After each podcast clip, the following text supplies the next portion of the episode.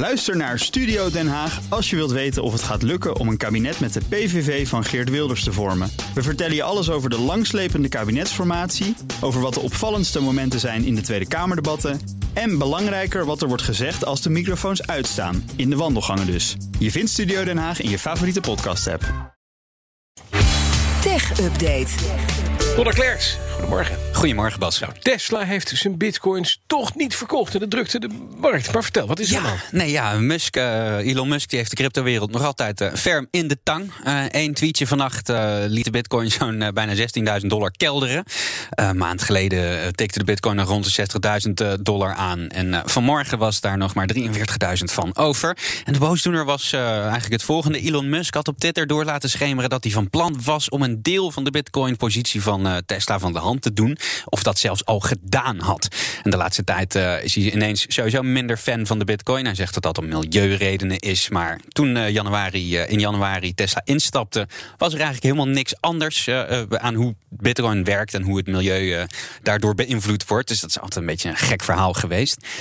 Nou had een, eh, een eh, crypto-twitteraar gezegd van... Nou, het is eigenlijk niet zo gek eh, als Musk zijn bitcoin van de hand doet... want hij wordt heel erg gepest door de andere crypto-gebruikers. En daar zei Musk eigenlijk ja, inderdaad op. En ja, toen kelderde dus de hele koers ineens. Maar inmiddels heeft Musk toch opheldering gegeven. Eh, Tesla heeft die bitcoins niet verkocht. En de, de koers krabbelt dan meteen ook weer wat op. Nu zo richting de 45.000 dollar.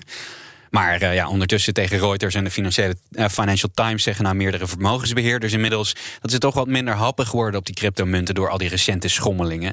En ik vraag me af, ja, wanneer grijpt er nou eigenlijk iemand in eh, op, op, het feit dat die Musk zo ontzettend veel macht heeft eh, over Niemand. de koers? Dat kan niet. Nee, ja. Want dat is bij bitcoin, is dat nou eenmaal. Dat is de markt. Hè? Weet je, dat, dat- wat, wat, de gek, wat de gek ervoor geeft. En dat is Ja. niet gereguleerd, klaar. ja, ja, noem mij maar ouderwets, maar eh, misschien is een gereguleerde markt dan toch niet zo'n nu ouderwets. niet zo'n heel slecht idee. Nee, misschien. Maar het mag niet, hè.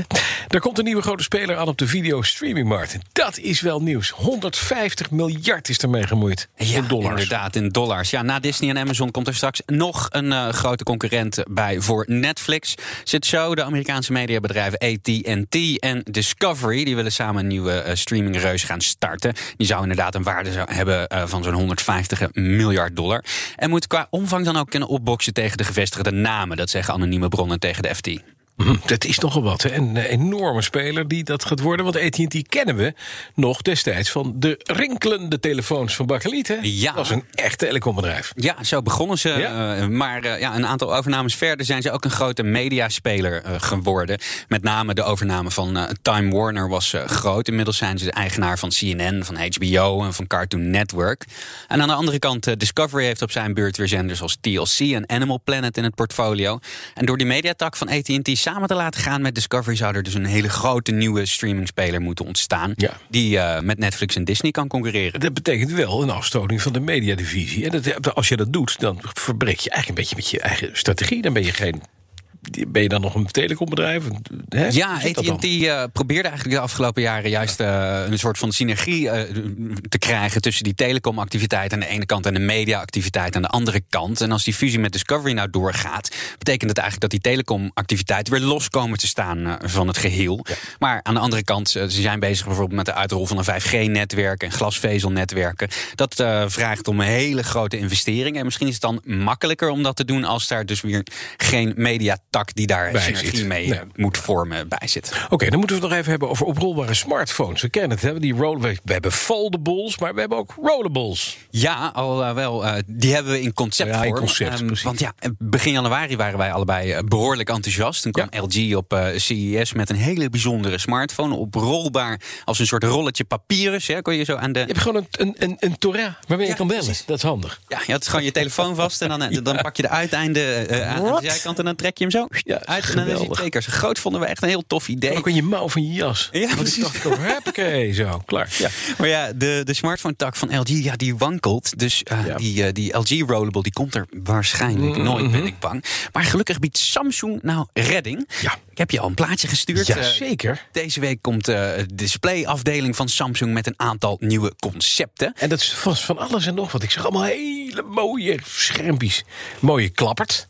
Ja. Foldable, maar in eh, twee stukken. Twee stukken, echt meerdere. Ja. Ja, op een gegeven moment heb je gewoon een eh, soort ouderwetse krant vast... die je er helemaal, Ja. op kan, helemaal terug kan eh, vouwen in hebben smartphone formaat. Maar ze maken dus ook een oprolbare. En die werkt ongeveer hetzelfde. Dan pak je één uiteinde en dan kun je hem zo uittrekken. Ja. Dan heb je toch een bredere. En ja, Samsung, eh, voor zover we weten, gaat hartstikke lekker op mobiel. eh, dus eh, misschien komt deze wel. En dan kunnen we hem een keer eh, in de schaal van hebben. Moeten Ja, we, ik moeten we voor ook, ook een tablet. Die kan je naar 17 inch openvouwen. Heb je dus gewoon een grote, grote computer. Ja, een grote inderdaad. computerscherm.